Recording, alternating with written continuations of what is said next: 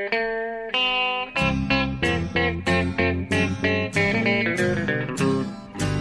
out there, we're on the air. It's hockey night tonight.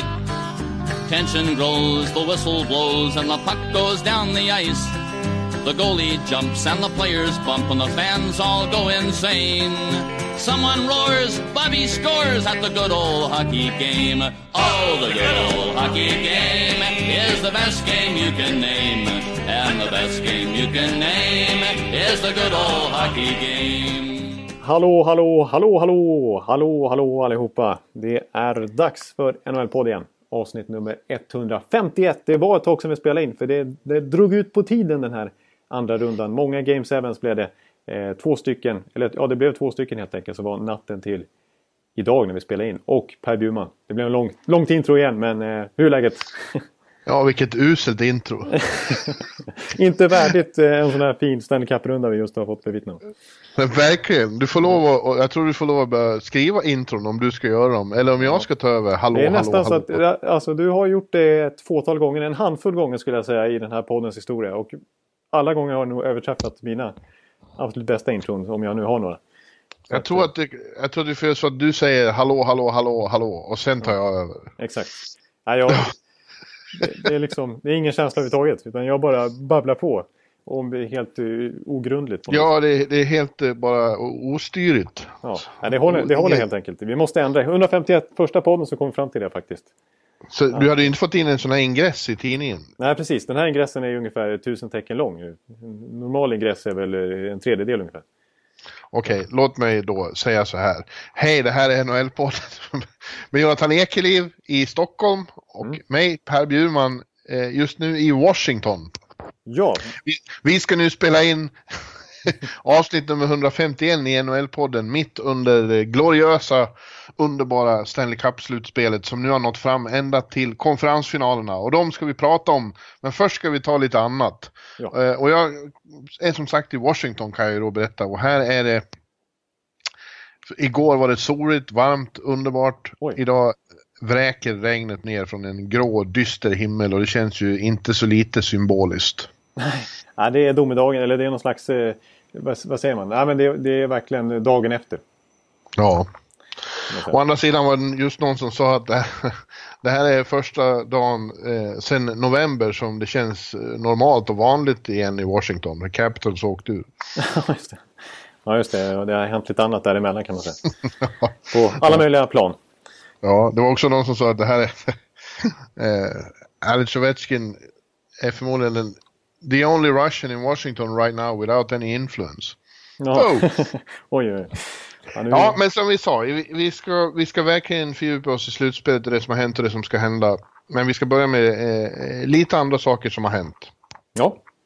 precis. eh, på ett traditionellt sätt. Och fram, det som framförallt har hänt är ju att din gamla kompis Big Ben Bishop eh, har fått sina, ja, eh, Kings har tradat rättigheterna till honom till Dallas Stars. Och där kommer han ju med all säkerhet då och, och signa ett nytt kontrakt. Det eh, gör han förmodligen. Han har ju till och med en historia faktiskt i, i Dallas sen tidigare, Ben Bishop. För innan han började på college så hade han eh, några säsonger när han spelade i Texas Tornado i någon eh, random juniorliga. Ja, Eh, Texas så- Tornadoes är ett av världens bästa band genom tiderna, bara så Ja, du det- vet. ja, det ser du. Ja, Dog, ser Dog, Dog Sam. Ja, ja. okej. Du kan du, gå, du kan du gå sen och lyssna på Texas Tornadoes tycker jag. Ja, det får jag slå på på Spotify här direkt efteråt. Ja. Ja, men, men eh, ja, det, det var alltså. Det har ju varit en eh, ongoing story det här. Alltså rykten om Ben Bishop till Dallas under minst ett års tid. Ja, precis. Det, bör, det började redan förra året. Alla har vetat att Dallas vill ha honom. Ja. Eh, och det, det är liksom... Nu slutar det med att de tradar till sig hans rättigheter bara för ett ynka Ja, fjärde via, val. via, han fick åka över hela eh, kontinenten för att till slut hamna mitt på kontinenten. Ja, ja, exakt. Han fick hamna från öst till väst och nu till, till slut då mitt i Texas igen. Eller ja. Eh, och eh, ja, förra året då var det snack om att det skulle vara Julius Honka och ett första val och sånt där i utbyte. Eh, nu, ja, nu gick den säsongen emellan och Bishop har kanske inte riktigt stärkt sitt tradevärde under den säsongen och fick ju lämna Tampa som behöll honom just på grund av att tacka nej till feta erbjudanden. Dels från Dallas och inte minst från Calgary. för att man skulle gå för Stanley Cup med säsongen. Det slutar med att man missar slutspelet. Bishop har en svag säsong och hamnar till slut som backup till, till Quick i Los Angeles Kings. Så det blev inte alls som någon hade tänkt sig. Nej. Eh, men till slut som vi hade tänkt oss va, så, så, så, så, blir, så kommer med all sannolikhet eh, Bishop att skriva på till slut då för Dallas. Ja, Eh, och då är stora frågan, är det sista pusselbiten för Dallas det här? Den här säsongen Nej. har varit ett misslyckande på så många sätt för att ja, de missar slutspel. Men det, det handlade ju med, väldigt mycket om skador, men också om deras eh, jobbiga målvaktssituation med eh, finländska duon Niemi och Lehtonen som inte alls har levt upp till uh, hype, eller hype har det inte varit, men inte levt upp till Jim Nils förväntningar och inte till sitt, sina vårdliga kontrakt. Nej, precis. Det dyraste målvaktsparet i ligan. Och inte blir det ju billigare nu, för båda har fortfarande kontrakt. Så de måste ju antingen lyckas trada bort, det har de inte gjort eh, hittills, alltså lyckats bli av med något av de där kontrakten. Eller köpa ut helt enkelt, Antiniemi till Jo. exempel. Jo, det är klart de kommer få köpa ut någon av dem. Ja. Det, är, det är ingen som vill ha de där kontrakten. Nej, det, det, det är hopplöst. Eh, Men samtidigt vill jag säga så här, nej, sista pusselbiten, det är klart att jag, jag ser nog Bishop eh, definitivt som en uppgradering eh, mot de här två. Även om det har påpekats nu här när den här traden har genomförts att statsen mellan Bishop och Lehtonen är faktiskt inte så vitt skilda. Den stora skillnaden är egentligen att Bishop är betydligt bättre på low danger scoring chances där Kyle Lehtonen har någon märklig förmåga att släppa in mål som inte ska gå. Mm. Eh, Men eh, eh, Det där tycker jag är en konstig stat måste jag säga. Eh, Eller low scoring, men, men vad som är low och high scoring, det, det känns som väldigt eh, subjektiv och godtycklig eh, stat. Det är någon som sitter och avgör vad som är farligt och vad som inte är. Ja, jo, exakt. Det där kan man inte riktigt eh, matematiskt eh, otvivelaktigt bedöma vad som är vad egentligen. Nej. Men, eh, Ja, Jag har haft eh, här de senaste dagarna lite debatt med vår vän Tobias Pettersson om det där. Han, han hävdar att eh, om det är någon gång statsen verkligen har betydelse så är det när man tittar på målvakter. Och jag, och jag säger tvärtom. Jag tycker de siffrorna bevisar att de är jämna, möjligen. Eller möjligen, det, det är ju det de siffrorna över, över, över lång period visar de väl framförallt vem som är jämnast, eller hur? ja. Ja, jag, som, som Tampa-fan Jag vill, ju hellre, jag vill ju hellre ha en målvakt som är bäst när det verkligen gäller. Liksom, och gör de verkligt avgörande räddningarna i avgörande lägen och höjer sig i de stora ögonblicken. Det är det viktiga, i alla fall i slutspel. Ja, alltså i, i, Tampas fall med Bishop så måste jag säga att han har varit otroligt bra i de slutspel han har stått och tagit dem långt. Och det märks när han har varit borta, måste jag säga. Eh, Ja, men det som är problemet är att han är ofta borta. Det är det som är problemet. Han har varit skadad i princip alla tre gånger. Det var första gången åkte de ut med 0-4 mot eh, Montreal när han var borta. Eh, de torskade finalen när han blev skadad mot Chicago och sen så var han borta i eh, konferensfinalen mot Pittsburgh förra året. Där, efter att ha varit grym i de två första rundorna dessförinnan. Och så kom Vasilevski in och var visserligen bra men ett hack Mm. under Bishop. Ja, och, och det där är ju ingen till för då är man ju skadebenägen och han är ju en lång räka. Liksom, som, Ja, ja. eh, Han är för lång för, känns för sitt eget bästa höll jag på att säga. Ja, det känns som att han går sönder väldigt lätt och de, de, ljumskarna och sånt pajar easily. Exakt, det är knäleder och ljumskar och så vidare som inte riktigt håller ihop för eh, ett starterjobb en hel säsong. Eh, Det Så det är lite chansning.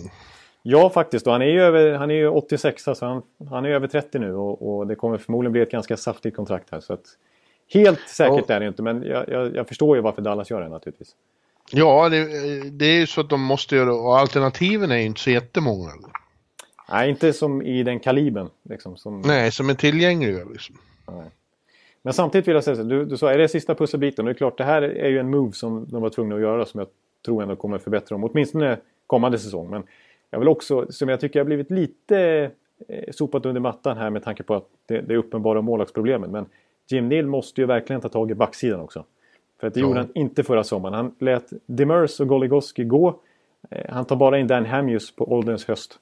Och eh, ja, det, det, han tradar lättvindigt bort Jordi Ben här till Montreal. Lite onödigt tycker jag.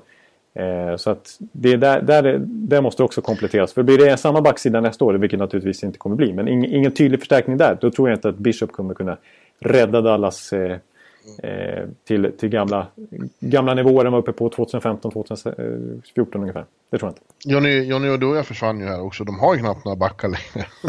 Nej, det är precis. Det är de här... Det är Honka och som måste ta Ja, kliv och de här Honka tror jag kommer att bli... Jag, jag älskar Honka bara för att han heter så. Ja, det är ett, det är ett otroligt bra namn. Ja, så jag tror att han kommer att bli superstar. Julius Honka. Ja. ja. ja vi, av en helt eh, märklig anledning så tror jag att jag lite, lite, lite, lite grann kommer att komma in på honom senare på den faktiskt. Ja. Mm, du ser. Men, det, var ju, det var ju högst oväntat. Ja. Som vi ska prata Stanley Cup. Precis, men det är, är faktiskt en, en, koppling där. Mm. Men eh, jag vill säga, eh, när vi ändå är inne på lite korta eh, nyheter som har hänt sen, sen senast. Så, eh, det var ju Rob Blake som tradade bort då, hans första move kan man säga. Eh, rättigheterna till Dallas för Ben Bishop från Kings.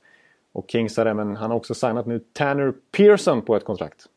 Mm. han, har, han har kommit igång lite grann här. Han har en hel del att städa upp efter sin företrädare. Mm, det har han verkligen. Ja, han har skrivit faktiskt, eh, kontraktet med Tanner Pearson är väl en, en replika av Jakob Silverbergs kontrakt. 3,75 miljoner för fyra år. Mm. Ganska rimligt ändå, vill jag påstå. Eh, men sen måste vi ta det här också. Eh, apropå, vi har varit inne på ryssar i, i Washington, men eh, en ryss som kommer till, till eh, NHL kommande säsong. Mycket spännande. Till Vegas Golden Knights vinner dragkampen om Vadim Shipashov. Ja. En rysk sensation. Ja, alltså precis. Det här är en kille som... Du tror han är en ny Panarin? ja, men eh, det är ju jämförbart på det viset. Det är ju en kille som har dominerat i KHL nu under en lång, lång tid. Lite annorlunda på det viset att Chipachov är ju faktiskt 30 bast. Så det är ju ingen eh, purunge det här, utan det är en kille som har varit dominant i superlaget SK Sankt Petersburg under lång tid. Eh, men inte kommit över till NHL utan hållit sig kvar i, eh, bland alla rubler i, i Ryssland. Vart en liten prestigemarkör för eh, KHL att behålla. Eh, men nu tackar han alltså ja till ett lägre bud än man hade av Sankt Petersburg för att gå till Vegas. Han blir ju, får ju enormt mycket stålar där också. 4,5 miljoner i capita för två säsonger. Men det sägs att han erbjöds 5 miljoner av Sankt Petersburg i årslön.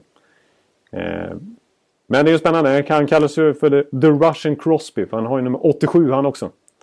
Ja. Och lite liknande i spelstilen. Alltså framförallt en ruggig playmaker men också med ett hyfsat skott. Som ju vann poängligan i VM förra året och är fortsatt eh, riktigt bra den här säsongen eh, i det här VMet då, som pågår. Då. Så vann han, hans poängmässigt mässigt bästa säsong kom han från i KHL också med 76 poäng på 50 matcher. Nu ska vi se om jag får en syl i väder här. Ja, det ser jag bara. Jag bara Rätt för det. Ja. Eh, det, det, det roliga och intressanta är väl att det är just Vegas då som ja. eh, faktiskt eh, skaffar sig lite eh, relevans på en gång med det här. Ja, men det vill jag påstå. Alltså, för det man ändå har känt lite grann inför eh, att de ska få välja sitt lag i en expansion draft är att i och med att alla lag kan verkligen skydda sina bästa spelare så är det ju svårt att få in den här riktiga första kedjeklassen. Ja. Liksom. Och såvida ingen vill bli av med ett kontrakt. Nej, precis. Exakt. Det är ju den vägen de kan gå annars. Men eh, om de vill få in star quality direkt. Men nu, Chipachov är ju... Det känns ju på förhand. Det är klart att det är ett litet osäkert kort med tanke på att han aldrig spelat i NHL tidigare. Men det känns ju som en legitim första center Att han har potential att ta den rollen direkt. Ja, han kanske kan få eh, sällskap av Ovechkin. Nej, men alltså han kanske kan få sällskap. Nej, men, Nej, men alltså vad, vi pratar... Eh, Kowalczyk. Kowalczyk. Vi pratar Radulov sitter också, har ju också... Ja, det, är någon, det, är, det är någon till ryss som alla är ute efter. Han, det är ju Dadonov. David, Dadonov, så heter ja. han. Det har också varit diskussion om Vegas direkt. Ja, precis. Det är ju exakt. Han, är också, han har ju varit i NHL tidigare i Florida. Eh, utan att eh, slå sig in på allvar där. Han kanske hade kunnat försökt mer och faktiskt blivit en bra spelare i NHL. Men valde att Eh, gå tillbaka till Ryssland och tjäna pengar och bli, verkligen få ett genombrott hemma i Sankt Petersburg. Eh, ja. Men han kommer förmodligen sticka till Han han har uttalat, eh, det har uttalats från hans läger att han, han, är, han har som ambition att skriva på för NHL och mycket naturligt att, skulle, att han skulle följa med Chipachov till Vegas. Ja, låt mig säga, jag vet ingenting om dem som personer, men det här med, vi säger Kowalczyk, Ovechkin, Radulov i Las Vegas. Jag, jag eh, jag håller andan om vi säger så. Jag, Kanske... förstår, jag förstår vad du syftar på. Utan ja. att eh, dra för stark, stora slutsatser. Här. Ja, ja, det gick inte så bra för Radulov i Nashville till exempel. En annan underhållande stad. Nej, men han har ju, han har ju blivit vuxen och ja. visar en annan ansvarstagande. Men eh, just Vegas har en förmåga att inte vara så nyttig för dem med, med, som tycker saker är kul. Nej, precis. Say no more. Say no more. Jag vet som sagt ingenting om de här två. Man ska inte vara, eh, man ska inte vara fördomsfull och påstå att alla ryssar är på samma sätt. Så, så eh, dumma i huvudet är vi inte här. Nej, Nej men det, det är klart. Men det blir intressant överhuvudtaget. Överhuvudtaget hur det ska gå för eh, med, med, Las Vegas. Det är därför det har varit sån oro kring att starta ett lag där i alla möjliga sporter. För att eh, vi vet ju inte hur spelarna och hur det kommer att vara för bortalagen att resa dit också. Nej, nej, framförallt så kommer de väl att ha ett bra, eh, som de säger, hemmafacit. Ja. Det är bortalagen som kommer att vara ovana vid att vara i Las Vegas. Ja, för i... Det kommer att bli så här, som i Hangover i filmen. Ja, ja exakt. Precis, Precis så. Det, det finns stor risk för det. Och det, alltså, i de ligor, mindre ligor som de haft lag i så har de historiskt sett haft ett väldigt, väldigt bra hemmafacit. Så den, den tendensen är ju, är ju korrekt alltså. Ja.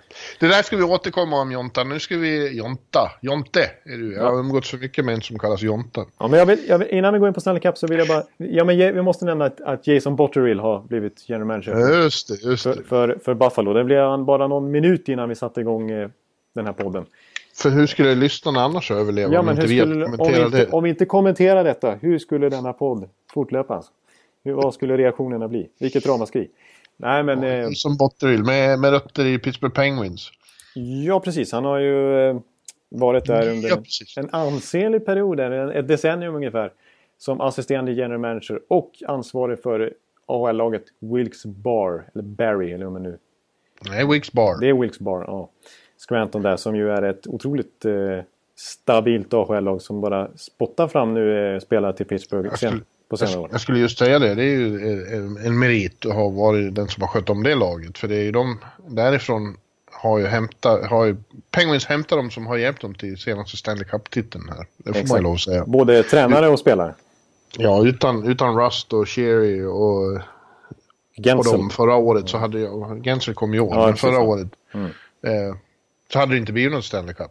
De Nej, var ju otroligt viktiga pusselbitar och formade liksom i, i Pittsburgh tänk och eh, strategi. Och detta, detta trots att de ju har varit topplag under så lång tid så att de aldrig fått drafta högt på det viset. Utan de har hittat fynd ganska långt ner i, draft, eh, i draften och så har de fått gå igenom Wilkes-Barre och blivit riktigt bra. Så det borde de som bryr sig om Buffalo vara väldigt glada över? Ja, och faktum är att de, ja precis, och faktum är att de höll liv i sin eh, slutspelssvit i Wilkes-Barre även den här säsongen. Trots att de har fått släppa mängder av sina toppspelare till den stora klubben. Så att de gör något, han har gjort något väldigt bra där, Jason. Eh, bara 40 bast faktiskt. De var inne på Buffalo att de skulle ta in en ung, spännande, lovande eh, general manager och ge honom chansen. Och Botterill kommer nu till Buffalo där han faktiskt har spelat några NHL-matcher som spelare i början av 2000-talet också. Så han är, lite, han är lite bekant med organisationen. Tio år yngre än jag, jag förstår inte sånt här. Jag vill att alla ledare och sånt ska vara äldre än jag. Ja, nu är det, nu är det alltså, han är tio, ja precis, det är, nu, nu snackar vi. Han är tio bara? Wow! Nej, nu, nu, nu lämnar vi det här. Och så går vi in på det, på det verkliga, verkligt eh, stora i denna, det, detta avsnitt naturligtvis.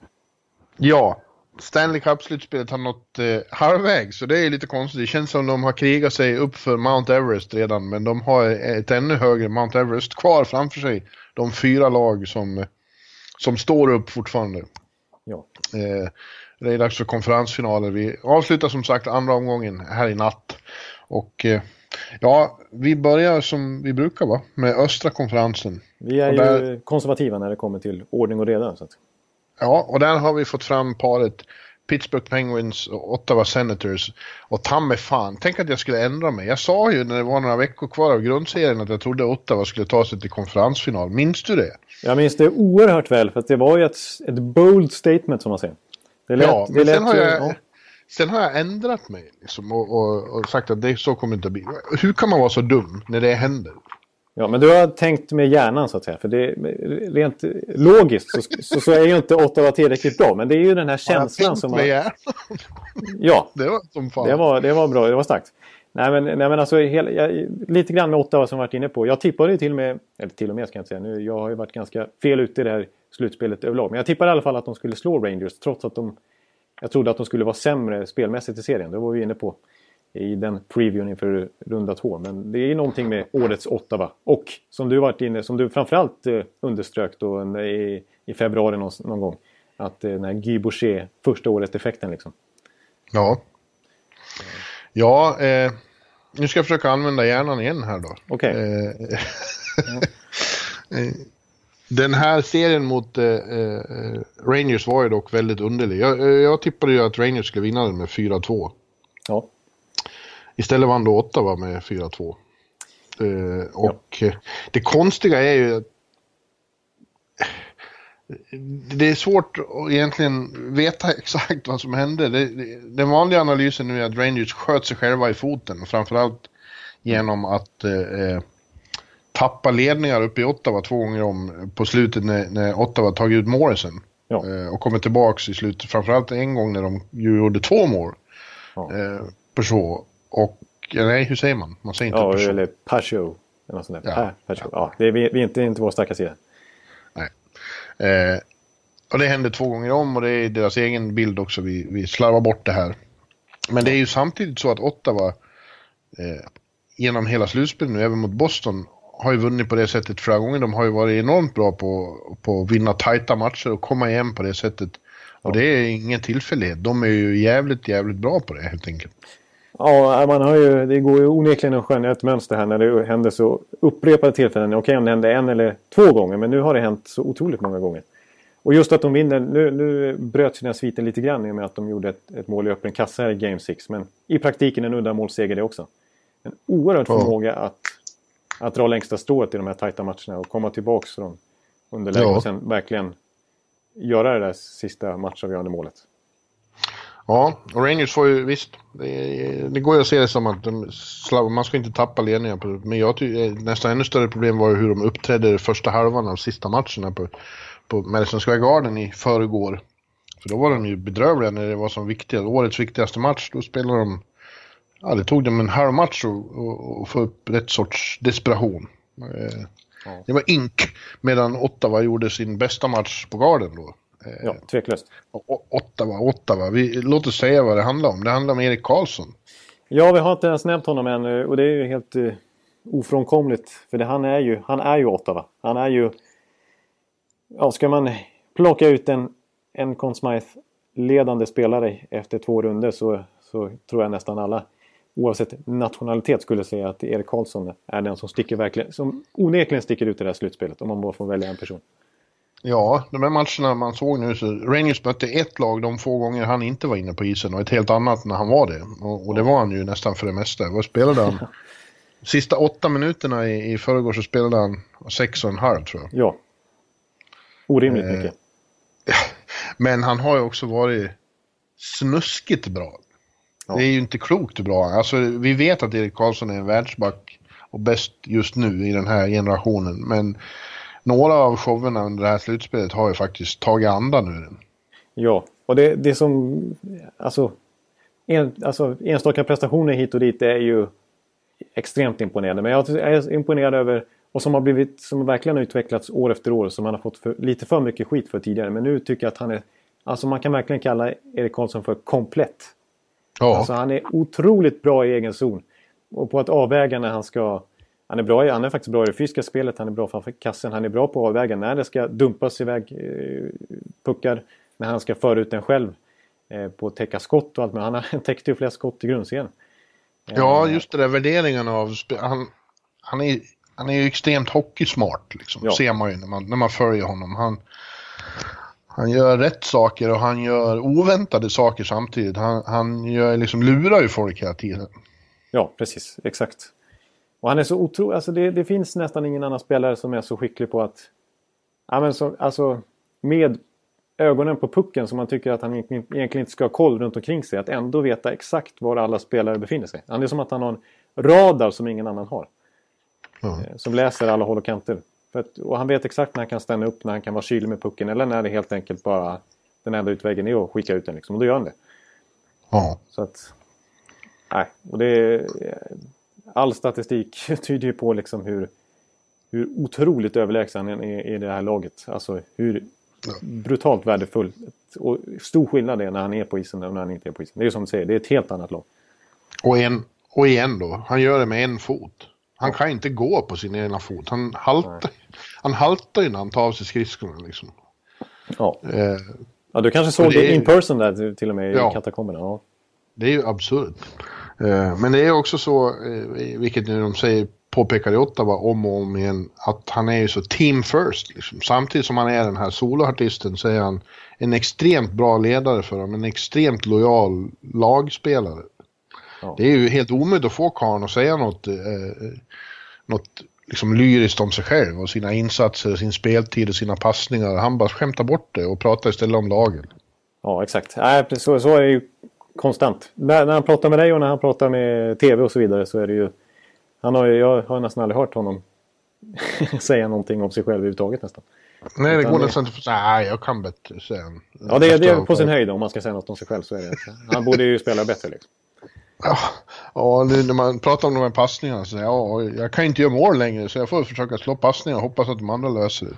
Ja, ja, det är... Ottawa får hoppas att de andra löser sig naturligtvis. För Erik, han, han är ju inte mycket att ha. Man vet ju själv. Men nu ska de upp mot eh, Pittsburgh Penguins då. Och eh, ja, vi har ju sagt hela tiden att den som vinner serien Pittsburgh-Washington, de, de går till final och vinner alltihopa. Och jag tror ju fortfarande då att... Ja, jag har, jag har egentligen inte börjat tippa det här, men... Eh, det känns som Pittsburgh blir svåra att stoppa här. Eh, Ja. När de har tagit sig förbi Washington nu. De, de är ju väldigt annorlunda mot i fjol faktiskt. Men vad som är en konstant är ju deras jädra förmåga och, och det här uttrycket hitta sätt att vinna. Men de gör ju det. De vet hur man spelar i playoff. Ja, precis. Så Jag, jag, jag, var- alltså jag måste säga det. Jag tippade ju inför serien att det skulle bli Game 7. Och att till slut nu att eh, Washington skulle vinna den och döda sitt spöke. Eh, det var Ja, ju jag dumt. sa ju 4-3 till Pittsburgh. Så jag Ja, du, du hade ju helt rätt. Helt rätt. Ja. Eh, och väldigt logiskt med tanke på historien. Det är alltså sjunde raka, eller inte sjunde raka, men det sjunde gången under Ovechkin-eran eh, som man förlorar en Game 7. Ja, jag har sett allihopa live. Det är så pass illa. Ja. Ja, jag har faktiskt gjort det. Och det har varit lika jävla dystert varenda gång. Fast jag tror att den här sved ännu mer. För det var lite annorlunda känsla den här gången. Alltså tidigare när man nått Game 7 så har det liksom alltid varit att de har tappat ledningen i serier. Och börjat spela dåligt och liksom darra på manschetten. Nu var det ju tvärtom. Nu har de kommit tillbaka från 3-1 underläge och spelade med liksom en helt annan pondus och ett annat självförtroende i de två matcherna de vann då för att komma in i serien igen. Ja, en riktig statement det var- borta mot Pittsburgh där med 5-0 Ja. Liksom. Så det fanns ett mer hopp och glädje än ångest och oro inför matchen igår. Ja. Och det har jag aldrig upplevt förut. Och, och de sa ju själva att vi, vi har en annan attityd nu, vi spelar för, vi känner att vi har ingenting att förlora, vi bara kör. Men det vart ju inte så. När, när det plötsligt fanns någonting att förlora igen, då vart det som vanligt. Då vart det väldigt krampartat och eh, spänt. I alla fall efter en inledning där de körde sig något helt otroligt. Men när de inte fick utdelning då, då vart det som vanligt. ja, precis. Alltså, det var lite annorlunda på det viset. Jag, håller med. Men jag, håller med om din analys där. Så efter, framförallt i tredje perioden. De hade ju inte en enda registrerad målchans tror jag. Nej, men då spelade ju också Pittsburgh, sin- ja de var ju själva inne på det, det var deras bästa period i hela slutspelet som de, som de gjorde då. Ja. Eh, det är konstigt med Pittsburgh då, eller hur? Vi, du var ju varit inne på det och det är ju väldigt sant att de har blivit ett renodlat eh, kontringslag i den här serien. Medan de förra året med i princip samma manskap eh, dikterade allting i matcherna. Precis, då vann de skotten i 17 av 24 matcher och, och blev kända för att ligga på byte efter byte. De malde ner motståndarna.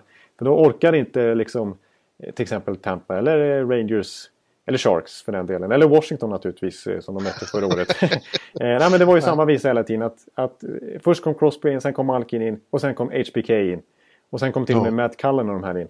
Så man, man ork, alltså de, de, liksom, de kom i våg efter våg. Och det, det var de, till slut så var det de som hade spelövertaget totalt. Och man fick slå ifrån sig och så blev det Pittsburghs seger. Liksom.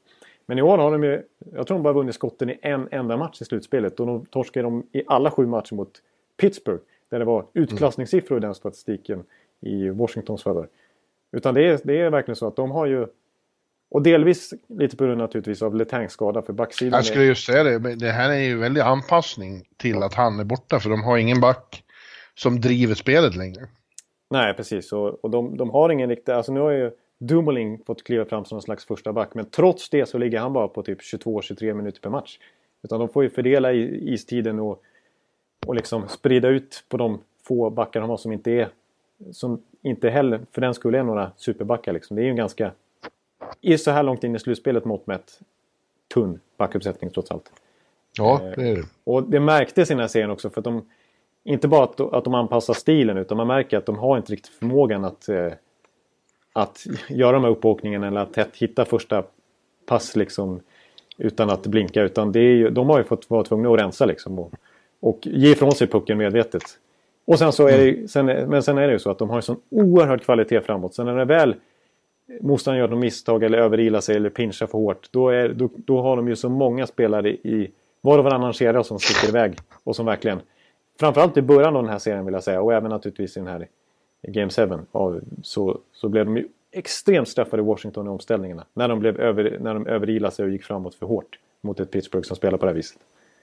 Mm. Eh, och samma sak med Columbus vill jag säga i den serien. Det var ju omställningar som, och kanske powerplay då som, som, som Ja, det är just det där med, med alltså deras förmåga att utnyttja motståndarnas misstag. Ja. Eh, är ju mördande. Ja, det, det var ju däremot mål måste man väl.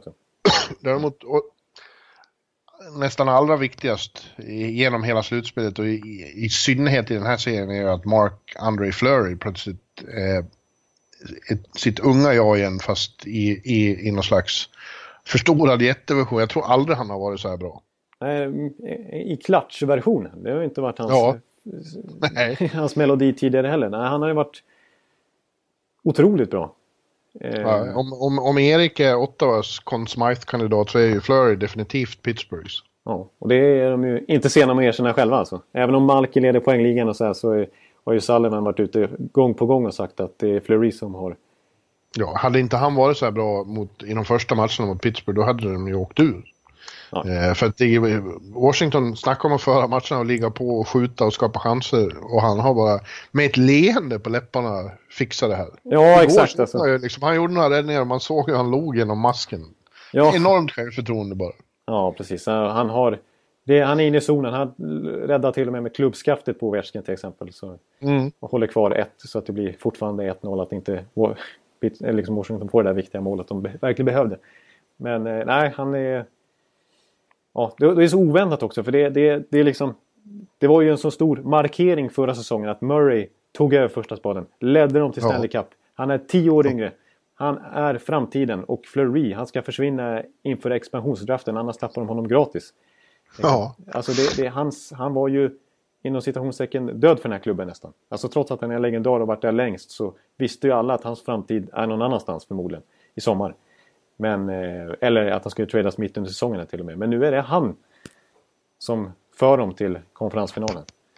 Ja. Eh, det, det, ja, det är en fantastisk story. Är det ju. Ja, man, gillar ju, man gillar ju Blomman också. Han är ju en, ja. är ju en... Flexibility is great. That's why there's yoga. Flexibility for your insurance coverage is great too. That's why there's United Healthcare Insurance Plans. Underwritten by Golden Rule Insurance Company, United Healthcare Insurance Plans offer flexible, budget friendly coverage for medical, vision, dental, and more. One of these plans may be right for you if you're, say, between jobs, coming off your parents' plan, turning a side hustle into a full hustle, or even missed open enrollment. Want more flexibility? Find out more about United Healthcare Insurance Plans at uh1.com.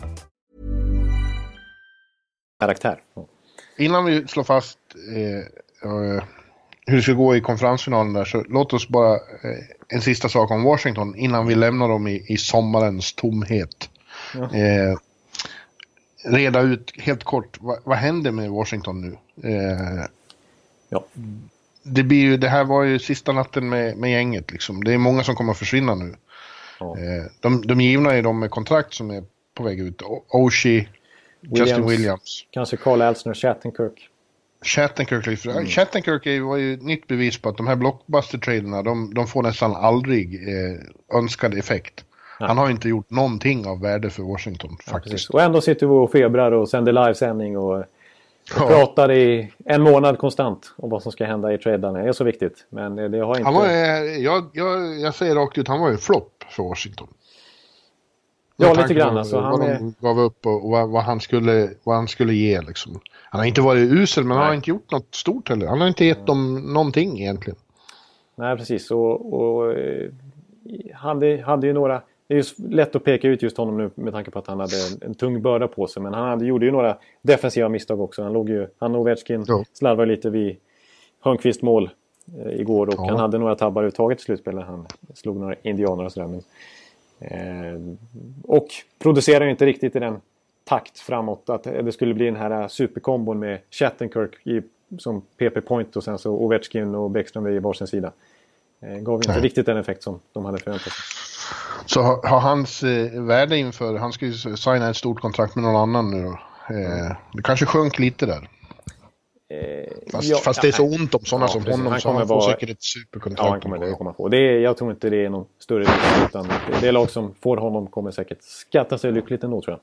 Men det ja. blev inte så bra som Washington hade tänkt sig. Det här var ju pusselbiten som skulle definitivt göra dem till Stanley Cup favorit nummer ett. Men eh, däremot så kommer de väl i Washington inte att göra något åt sin, sin core här. Den blir väl eh, kvar. Eh, ja. Om, om du, det är ju som vanligt nu då mycket eh, kritik av Ovechkin här på mm. morgonen efter den, eh, Slava Malmo, den ryske journalisten, hans, hans rant på Twitter här i, i natt var ju, liknar ingenting. Den rekommenderas.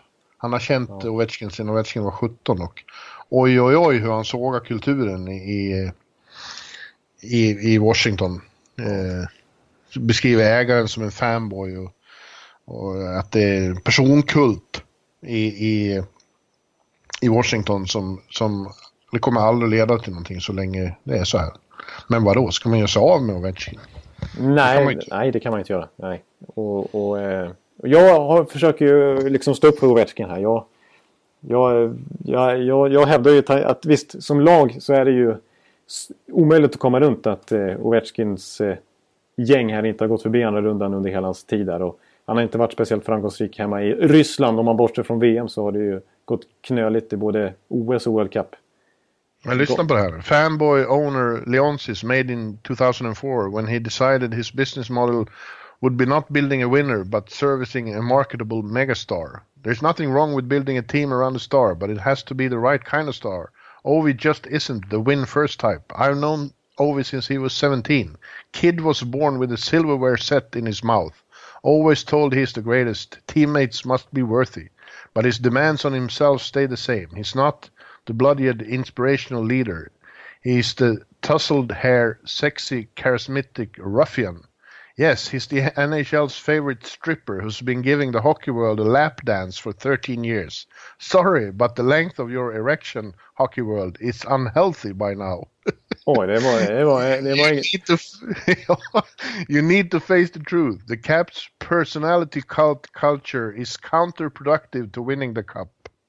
Fueled by innumerable fanboy blogs and media whipped into terrified subservience by Caps PR, the culture feeds on self, kills a dissent, and spurns all criticism. You know, Cap fans, that despite all the issues Oates and Hunter had, your main problem with them was trying to turn Ovi into a man of the system. You hate that. You want your boy, boy toy wild and free. Everyone wants this Ovi, even Russian coaches.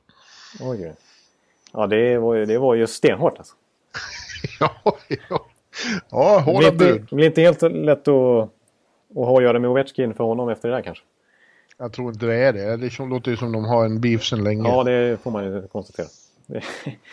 ja, nej, ja, ja alltså, alltså det, är, det är klart att eh, om man jämför med Crosby, hans ständiga antagonist här under, under sin tid i NHL, så har han ju en helt annan... Ja, man kan ju konstatera att de, de har ju oli, olika förmåga att, att eh, leda vinnande lag. När det gäller som mest. Men eh, men jag, jag vill ändå ge Ovechkin lite försvar till exempel. Alltså, det är inte så att han har något katastrofalt facit i slutspel någon tid. Det är egentligen, är, av dagens aktiva spelare så är det egentligen bara Phil Kessel som har, ligger på samma nivå när det kommer till mål per match i slutspel. Och, mm. eh, han är också påhoppad. Ja, precis. Eller var åtminstone. Ja, Eh, Tarasenko och Kutjerov är på samma nivå också, men de har ju spelat betydligt färre matcher. Det konstiga tycker jag var att igår så jag satt och var så här, kollade vad, vad han slit, han backcheckade och han täckte skott och stod i. Men eh, efteråt var ju eh, Barry Trotz, Ja. han, han, han ville inte ens säga vad han tyckte. När han fick frågan vad han tyckte om Ovechkins insats sa han att han av emotional skäl inte ville uttala sig om det. Ja. Och Det, det, det är ju en tydlig passning får man ändå säga. Ja, det får man verkligen. Eh, Så att det, nej, det är klart. Och han fick, blev ju degraderad från att få spela med Bäckström till att eh, skickas ner i tredje kedjan med Lasse Eller och Tom Wilson. Ja, men det skötte han. jag skötte han bra, va? Ja, jag tyckte ju det. Men eh, ja, nej, de är... Så är det. Men nu, nu, nu, ska vi inte fördjupa oss i Washington. Vi återkommer till dem i, i nu stora säsongsgenomgången i september. Ja, och Eh, i, de, i juni har vi vårt sista avsnitt också. Då kommer vi ju komma in på dem också. ja, ja, de... Juli. Juli. Juli, juli förstås var det med. Ja. Och... Eh, eh, ja, vi får se. Vi får se vad som händer där. Ja. Pittsburgh och och Ottawa går i alla fall vidare till en konferensfinal och eh, det blir ju väldigt intressant att se. Vi, vi har ett, defen, ett, ett Ottawa som ju är defensivt inriktat eh, och ibland när de får ledningen slår till sin trap, sin Ja. Boucher-trap. Ja. Mot ett eh, Pittsburgh då som också spelar, de är ju, let's be honest, de är inte lika roliga att se som förra året heller. Nej, precis. Det här blir en annorlunda serie för dem. För nu möter de ett lag som inte vill föra spelet. Det ville både Columbus och Washington. Och i det här slutspelet så har det ju varit väldigt framgångsrikt att backa hem. Vi såg ju hur St. Louis eh, eh, har, har spelat och vi kommer in på Nashville vill jag påstå har varit lite åt det hållet också. Eh, Det har ju varit väldigt framgångsrikt att, för det är ju så, det är ju bevisat att det lättaste sättet att göra mål på i dagens hockey är väl omställningar liksom. Och eh, det är det mest effektiva, Ja. då öppnas det mest ytor liksom. Annars är det väldigt låst och disciplinerat i respektive försvarszon. Det är mycket oroande för det som händer i slutet slutspelen sätter i tonen för all, nästan alltid för nästa säsong. Att det är ju så här copycat-liga. Ja, det brukar vara väldigt... ja, exakt. Det brukar Ja, det blir, det blir ju tråkigt om, om possession-spelet ska vara liksom på väg bort. Ja, exakt. För det, precis, det är så märkligt. För vi- bara så sent som förra året hade det slagit igenom med full kraft. Ja, Och vi, ja. Ja. så att, eh, jävla Chris Letang och bli skadad och se till Ja, så det blir nya trender. Stora orsaken till detta. Ja, men vad tror du, vad, så vad kommer hända här nu då? Kommer de bara avvakta båda två, stå på varsin sida om rörlinjen och titta på varandra? Ja, jag tror, jag tror inte att det kommer vara eh, fantastiskt bra för med Penguins backuppsättning här att, att vara ett renodlat possession-lag. Det kommer, det kommer inte vara klockrent för den. För att Ottawa är ju precis de också väldigt vassa omställningarna när Hoffman och Stone och Turris och så vidare får komma med fart. Och, och Erik Karlsson kan dyka upp i andra våg också. Eh, Så att eh, det, det vill nog till att, att Pittsburgh får, vara, får lira på ungefär liknande vis. Alltså, jag vet inte hur det kommer att se ut egentligen. Det låter ju inte som den mest underhållande serien där på förhand. Men jag håller ju med dig som du sa redan här i början. Att, att jag har väldigt svårt att se att Pittsburgh inte ska klara av Ottawa. Alltså om man tittar på pappret så är det ju ändå den bredden och den spetsen som överträffar, framförallt offensivt, som överträffar Ottawa ganska kraftigt här. Den, den ska inte kunna Nej. rubbas liksom. Nej, man tycker det. Och, och om Flurry fortsätter på samma sätt Ja. så säger jag 4-2 till Pittsburgh. Det är möjligt att man underskattar Ottawa lite och deras förmåga att och, alltså komma tillbaka och vinna jämna matcher och så. Och Erik Så Karlsson Erik och. Karlsson spelar ändå 33 minuter per match. Alltså, Ja. Långt mer än Och nu- någon annan i, i slutspelet. Alltså, det är Och nu får han vila lite. Han de spelade sin match i, när var det? Måndags? Nej, Ja. jo. Nej, ti- tisdags. Och nu spelar de inte igen förrän på lördag. Så han har hunnit få behandling av sin vänstra fot där. Ja, det verkar visserligen inte spela någon roll. Men... Nej, men det skulle inte vara sämre för dem om man plötsligt inte har ont hela tiden. Nej, exakt. Det, då, då, ja, precis. Det är det som är så sjukt alltså. Mm. Fullständigt isär. Ja, nej, jag tror att eh, Pittsburgh återvänder till finalen. Frågan är vilka får de möta där då? då? För vi har, i väst har vi alltså Nashville mot Anaheim, vart det klart igår. Eh, eh, Ja. Nashville vart ju klara först genom att slå ut eh, St. Louis i söndags. Ja, söndags var det. Ja. Eh, och i natt då så slog, dödade Anaheim sitt Game 7-spöke till slut genom att slå Edmonton. Avsluta den bisarra serien Ja. med en 2-1-seger hemma i Honda Center där de fyra år i rad åkte ur i Game 7. Men nu fick det vara nog med det. ja. Precis. Där tog eh, faktiskt en förbannelse. Slut. Ja. Ja. Jag hävdar ju rent, nu är det ju bara några få dagar emellan, men jag, det känns ändå inte som någon tillfällighet att det var Nashville som vart klara först för konferensfinal. Därför att eh, de eh, är ju för jävla bra. Ja, men de har väldigt mycket That's going, alltså som bara rullar på där. Som, det, det är inte mycket svagheter de visar upp alltså. Eh, det, Nej, utan det, Fruktansvärd backsida och fruktansvärt... Eh, eh, alltså jag var där i, i, i, i söndags då när de vann den sista matchen mot St. Louis. Eh, Och det var ju en upplevelse på väldigt många sätt. Eh, eh, Stämningen i Bridgestone liknar ju faktiskt ingenting nu. Eller i hela Nashville ska jag säga. Det, det är en Stanley Cup-feber där som är helt eh, intoxicating. Ja. ja, det är sjukt. För det, det var ju inne lite på förut veckan och du har ju fått uppleva på plats nu. Alltså att hela, alla countryartister och sånt där som har skit i hockey fullständigt tidigare. Nu, är de Ja. ju, nu, är ju, nu vill ju alla, nu slåss de om utrymmet. Om att få Lady Antebellum var där och sjöng sjunga nationalsången här. Det är, det är ju världens prestige att få sjunga nationalsången i en Predators-match nu liksom. Ja. Ja, det är fantastiskt där. Och, eh, men det, det var också några gånger när de får igång sina anfall. Liksom. Eh, det, kombinationen av speed och kraft som jag såg explodera där, den var så här liksom som man ryggar tillbaks lite. Ja. Pucken går så fruktansvärt fort och det känns som det är sån jävla power i det. Ja. Så att det går inte att överleva. Och som, som om inte det vore nog så har ju den ifrågasatte Pekarinne varit slutspelets bästa målvakt. Ja, där har vi deras Conn Smythe-kandidat so far. Ja, ja det, det är det som är lite sjukt. Alltså. Ska man peka ut någon i Nashville? Det är många matcher som varit väldigt bra. Backsidan har ju varit bland det bästa vi har sett i slutspelssammanhang någonsin nästan. I alla fall Ja. i, i, eh, i eh, lönetaksserien vill jag påstå. Eh, Så är det ju ändå Pekarinne som alltså är MVP. 95 procentig. Eh, knappt ett misstag i hela slutspelet. Nej, och jag vill ju då eftersom jag erkände nyss att det... Ja, vad sa jag nu? Jag hade ju rätt om Washington och Pittsburgh. Ja. Fel om Ottawa Rangers. Jag trodde jag Rangers skulle vinna med 4-2. Mm. Men jag trodde att eh, Nashville skulle vinna med 4-2 och det gjorde de ju. Ja. Jag, jag, nu, nu, ska, jag- nu ska jag inte säga för mycket men jag tror jag tippade samma. Ja. ja. backa tillbaka och lyssna men jag tror det var så. Ja, men de var ju... Eh, St. Louis pressade sig till det yttersta och, och gjorde det bra, tycker jag. Ja. Eh, men eh, det räckte inte mot det här Nashville bara. De var numret, de var numret mindre. Faktiskt. Och de, de levde, det, det såg bättre ut än vad det kanske gjorde rent spelmässigt på grund av att Jake Allen var så duktig i kassen. Fortsatte vara Ja. Han räddade dem ju i flera matcher. Och sen klev ju en spelare Ja. som Tarasenko fram ibland och hjälpte dem med att pytsa in lite i kassan. Ja, och då, och då var det ändå så att eh, de fick något sån här koll på den här Jofa-kedjan. Ja, det ska man- det ska man konstatera. Ja. Utom när det gällde som mest, där i söndags när Foppa fick fram pucken, eller Foppa, Flipper, fick fram pucken till eh, Arvi.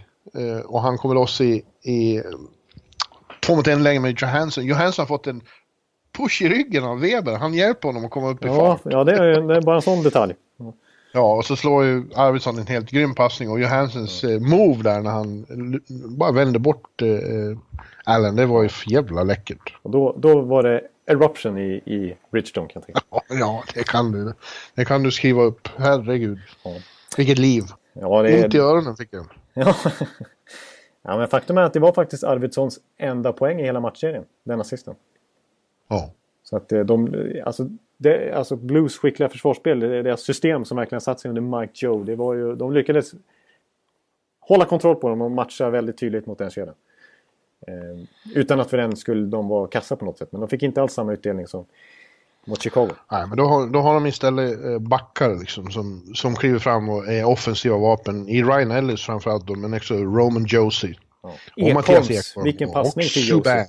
Ja, Ja, Ekholm, Ekholm went Erik Karlsson on, on us. Faktiskt. Ja, men han bara kliver fram där och slår en diagonalare perfekt till Josie som drar in den direkt och så är det mål. Så löser de upp eh, St. Louis extremt kompakta försvarsspel på det viset. Eh, Ja. 17 poäng av backarna i den här serien på sex matcher. Det är ju Ja, näst... Ryan Ellis är lagets bästa poängplockare efter de här två första omgångarna. Ja. Men de har också en väldig spridning på poängen i, i, i Ja, de har Nashville. secondary scoring. De har, eh, de har faktiskt åt, av åtta matchvinnande mål, de har vunnit åtta matcher, så är det åtta olika målskyttar. ja. Ja, det är också en styrka såklart och sammantaget, ja, eh, en mer, något som är svårt att mäta men som man, man lär sig identifiera tycker jag när man har varit med här. Det kanske går även via tvn. Det är något, det är någon, någonting kring deras aura, deras karisma, deras utstrålning, feelingen runt laget som så här, they got it. Ja. Och, ja. och, och faktum är just, just i, i sin hemmaborg där, där det bara sprudlar av energi som du verkligen har fått uppleva på riktigt också. Det, Ja. de, de är obesegrade på hemmaplan. Det har varit eh, mycket bortasegrar i det här slutspelet men i Nashville kommer man inte in utan att åka på torsk helt enkelt. Utan där är Nashville, där vinner de. Liksom. Och man skulle kunna tro då de, de vinner sin första, de går för första gången i klubbens historia till konferensfinal. eh, Och väldigt glada såklart, men med måtta. De, de inser att det här är bara eh, ett steg på vägen. Det var väldigt tydligt efteråt. Alltså det var måttligt firande. Inget så här fantastiskt vad vi har gjort. Precis, att de eh, champagne i omklädningsrummet och kastar grejer omkring sig. Nej, så de har, eh, de, de har rätt attityd också. Ja. ja, men det kan jag förstå. Det känns för det, det, det inser de själva nu också. Att det är så mycket som stämmer för dem nu. Alltså det här, de, de, de, de tror själva att de kan vinna Stanley Cup i år. Det är inte bara någon barriärbrytare här att de tar sig till konferensfinal. Utan de har mer på gång. Det känner man. Ja. ja, men nu ska de gå upp mot eh, Anaheim Ducks då, som de slog ut förra året. Och Anaheim Ducks brinner av revanschlystnad. Eh, de vill, eh, de vill eh, få Nashville att betala för fjolåret. De tvingades själva alltså till eh, Game 7 mot eh, Edmonton efter en serie som ju faktiskt eh, svängde och innehöll så mycket konstigt som man, man häpnade ju. Det, det, det kändes som det var givet att när Anaheim i femte matchen hemma hämtade in 3-0 underläge med målvakten ute de sista minuterna, att då, hade de döda serien. Ja. Men det hade de inte, utan de åkte upp till Edmonton och åkte på en sjävla smocka de här kidsen. Och det var ju en enorm styrka av Edmonton. Dels så kom man tillbaka från eh, en så, den hemska slutklämmen där som ju inkluderade att de var bortdömda också. Ja. Eh, för det var ju en, en goal interference som, eh, ja, det, det borde inte ha godkänts, det Ja, målet. exakt. Men de ägnar inte, de, de, eh, de ägnar inte för mycket fokus åt det. De vet att det går inte att göra någonting åt. Många unga lag och organisationer som är, är, är liksom dyk, har ovana vid det här, vilket ju man får säga att Edmonton Onekligen. har i modern tid. Mm. De, de kan eh, förlora sig i fokus på sånt där dumt liksom. Men det gjorde Ja. de inte. De bara skakade av sig, gick vidare och, och vann som fan hemma sen. Ja, det var en sällan skådad pulverisering i första perioden. 5-0. Ja. Eh, och det var total överkörning faktiskt. Men så kom Game 7 och då var... Eh, det såg, inledningsvis såg det ut att gå som vanligt för Edmonton tog ledningen och, och Anaheim såg lite nervösa ut. Men sen ett de, bisarrt mål som bara Anaheim i en Game 7 kan släppa in. Ja, De nästan kastar in pucken själva. men, men till slut så eh, eh, tog de sig samman och vann en jävligt tight match igen. Men de...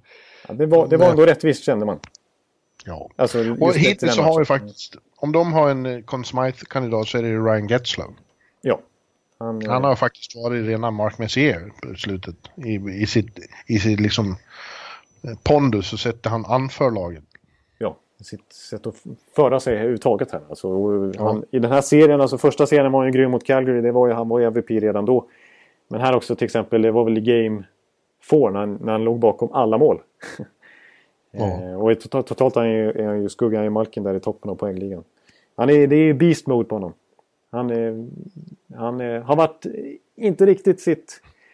Det, det man, har- man, man trodde om honom när han eh, tidigt i karriären när han ställde Cup till 2007 och var riktigt bra. Så har han ju ett antal slutspel här på slutet viker ner sig lite grann tillsammans med Perry. Men Ja, nu, nu är Det har han det inte gjort nu. verkligen inte. Och Perry har ju, han är nedgraderad och spelar i, ibland i, i tredje kedjan men han har ju också huggit till här några gånger när det har behövts som bäst. Ja. Och varit score Perry igen. Ja, faktiskt efter en mycket blek grundserie. Ja. Och Kessler har ju varit bra, så den kedjan med Silverberg. Så Silverberg, ja, det är, vi har varit inne på det konstant i, i de senaste poddarna, men är uppe på sju mål. Eh, En poäng per match i det här slutspelet. Som vanligt eh, grym i, när det, i viktiga matcher. Och, eh, över, överhuvudtaget är det ju sjukt hur mycket svenska eh, avtryck vi har i det här svenska absolut. De gör ju mål hela tiden. Det var ju chockerande att det inte var någon svensk inblandad i avgörandet i Honda Center. Och i, i, här i Washington var ju Patrik Hörnqvist den som dödade matchen med sin, med sin Mats Sundin backhand. Eh, den som försökte lyfta Rangers där mot åtta, det var ju Mika Zibanejad. Eh, ja. På andra sidan var det Erik Karlsson som är slutspelets bästa spelare. Ja, och i Washington var Beckis och Burakovsky på slutet när de, när de eh, fick kampera ihop. Ja. I, I sjätte matchen var de ju grymma och ja, det har varit så mycket så jag, ja. jag har aldrig haft så mycket att skriva om, om svenskar. Nej, och vi var inne på det för några veckor sedan hur mycket poäng de har gjort alltså sammanlagt. Det är ju bisarrt vad mycket poäng. Vi tippade ju helt fel när vi skulle gissa hur mycket det var egentligen. Men det var, vi var ju inte ens hälften rätt ute nästan. Så mycket poäng har de gjort. Men om vi återvänder till Kessler som du nämnde där, mot mm. Nashville, vem, vem, vem, han, har ju, han har ju fått ägna den här serien åt att ta bort Conor McDavid och det är med viss framgång får man ju säga. Ja. Eh, vilket gör det ännu mer imponerande av Edmonton att de med, med sin överlägset bästa spelare, liksom med den upp, uppvaktningen ändå har, har stått för en så fantastisk serie. Ja. Och Raquel sa igår när jag pratade med honom på telefon att det är, väldigt bra. De kommer att vara ett fantastiskt bra lag i många år. Och så är det ju. Det är lite samma känsla som med Toronto. De, de kommer ju att mötas i final framöver någon gång. Ja, och i den där 7 matchen gjorde alltså Connor McDavid inte ett enda poäng. Nej. Men det blir svårare för, för Kessler nu då. Vem, vem ska de ta bort nu? Ska han ta bort Ryan Ellis eller vadå? ja, just det. Nej, men han kommer väl... Det, det troliga är väl att, att han får gå upp mot Jofa-serien. Ja, men, eh, men eh, ska man se till förra året, nu har det gått ett år sedan dess och det har hänt en hel del, men då var det faktiskt eh, den kedjan väldigt framgångsrik mot Kessler. Ryan Johansson hade en fin serie, i alla fall i början kommer jag ihåg det. Det var helt sjuk, sjuk statistik i början av, i, framförallt bortamatcherna där för, för Nashville. I just Ryan Johanssons kedja mot Kessler. Men de kommer att försöka med det igen. Mm. Men det, som, som vi varit inne på, så de har ju fått produktion från alla möjliga håll och kanter. Framförallt från backsidan nu, så det är svårt att matcha mot Nashville.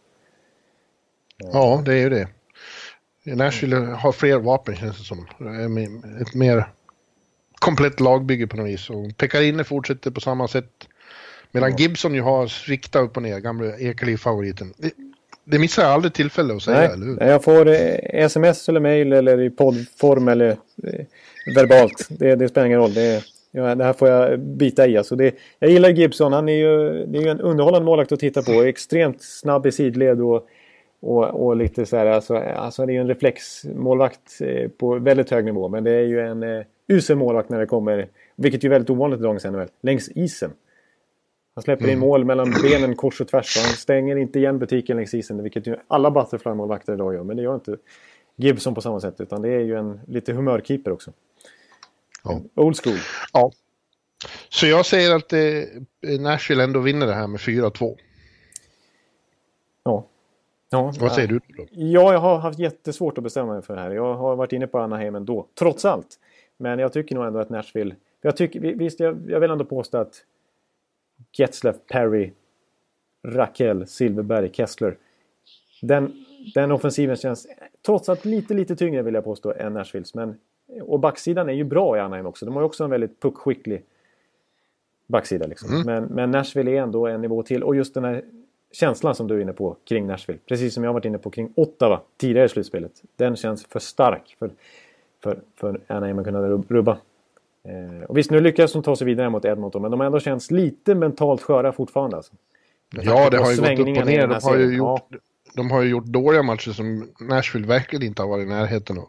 Nej, exakt. Utan de har, de har haft, och mot Nashville tror jag inte man har råd med den typen av svängningar i prestation. Utan då, då kommer det krävas hög prestation på kontinuerlig basis. Liksom. Så jag, jag säger, nej, det, det, är tråkigt om jag säger samma som du. Ja men nej, det får du. Men jag tror jag säger det då. För att, för att jag tror att alltså, förra året, alltså Nashville har ju varit väldigt bra på bortaplan. Eh, de har ju inte förlorat hemma som sagt. Och så har de varit väldigt bra borta också. Och förra året när de mötte Nashville, eller Anaheim, då vann de ju de, tre. De har varit väldigt bra helt enkelt. Ja, ja, precis. Men då vann de tre av fyra bortamatcher i Honda Center i den serien. Så att de är mm. vana att vinna där. Eh, så att jag tror att de kommer knipa matcher där och vinna sina hemmamatcher. Då blir det 4-2, de avgör på hemmaplan, precis mot, som mot St. Louis. Jag. Ja. Och då får vi finalen Pittsburgh-Nashville. Det är lite spännande ändå. Ja, det är hyfsat spännande. Och vi får varsitt rätt. Du sa Pittsburgh inför säsongen. Jag sa Nashville inför säsongen. I final. Ja, jag sa Pittsburgh-Dallas. Ja. Och då höll jag på att valde mellan Dallas och Nashville. Och så valde jag fel. Tänk om jag hade satt den här finalen, det hade varit snyggt. Det hade varit riktigt snyggt. Ja, det hade varit riktigt snyggt faktiskt. Det måste jag säga. Den här finalen, vi har inte sett den. Det kan, det kan mycket väl bli en repris av 2007 års final igen. Det kan bli Anaheim Ottawa också. Precis. Det vore ju, det vore ju pikant, tio år Det senare. hade ingen sagt i, i höstas alltså, när Randy Carlyle tog över efter Bruce Boudreau. Så otroligt sågat. Och ett Ottawa Ja. som... Eh, man skrattade åt när, eh, när de trädde till sig Brassard. Och både Melnick och Dorian sa We are in Brassard? win... Brassard. Och... jag blev så upp, uppspelt nu. Men när, jag tror det var Dorian eller Melnick som sa We are in win now mode. Ja. Vi, eh, vi ska vinna Stanley Cup nu. Bara, Okej, ja, det tror vi på. Men, eh, men eh, jag tyckte det var en liten in- intressant poäng. Nu hamnar jag tillbaka på Ottawa. Men, Brassard? Nu kommer jag alltid att tänka Brassard när jag ser ja, men nu, nu snubblar jag tillbaka här på Ottawa bara för att jag sa Brassard. Men, men, men eh, det är att eh, jag tycker den här twit, eh, en, en twittrare, Down Goes Brown, som brukar tycka till höger och vänster. Han heter väl McIndoe egentligen och eh, på, figurerar på Sportsnet bland annat. Som eh, redan vid trade deadline sa att det kanske, visst det var, det var kritiserat att, att de bytte bort Jonathan Dahlén mot Alex Burrows. Men de här kortsiktiga små förstärkningar de gjorde. Att verkligen bredda sin lag och gå för det den här säsongen. Eh, det kanske var smart ändå med tanke på att i den division de spelar så finns det så otroligt många lag som har haft, som haft en lite svagare säsong. Tampa, Detroit till exempel. Eh, men många lag som är på stor uppgång. Alltså Toronto kommer bli mycket bättre. Buffalo borde bli mycket bättre. Tampa kan mycket bättre. Florida är egentligen på uppgång de också. Montreal har världens bästa målvakt. Eh, Boston har många unga spelare på gång trots allt i sin lite mini-generationsväxling. Eh, så att det här var året för... Det här kanske är Ottawas enda chans. I den här tu- tuffa divisionen. Att gå långt. Och eh, de tog alla chanser de kunde. Eh, dels spelmässigt men också uppe i styrelserummet. Att eh, lyckas här säsongen. Så att... Eh, heder faktiskt till Dorian och Melnick trots allt. Ja. Ja du, Ekeliv. Nu, nu, jag sitter här på hotellrummet i Washington och ska ta och checka ut nu och gå ut i regnet och åka tillbaka till New York. Lämna Washington för den här säsongen. Ja. Hoppas, kommer, jag hoppas det kommer tillbaka nästa år. Men eh, Ja. det blir ingen längre vår än eh, det brukar här. Tyvärr, tyvärr. Nej, det är som vanligt. Som, som Och vi dyker väl upp eh, mi- mitt i nästa vecka. Då dyker vi upp mitt i konferensfinalen. och får lov att bli så. Såvida de inte blir svepta båda två så vi har Ja, finalen klar. Men låt mig säga att det skulle vara något förvånande. Det, det har varit extremt mycket konstiga grejer i det här slutspelet. Men det, det vågar jag lova nästan. Att det, Ja. Så kommer det inte se ut. Utan det, Så kommer det inte bli nej. Nej. Eh, Så att vi, vi, vi hörs helt enkelt eh, nästa vecka.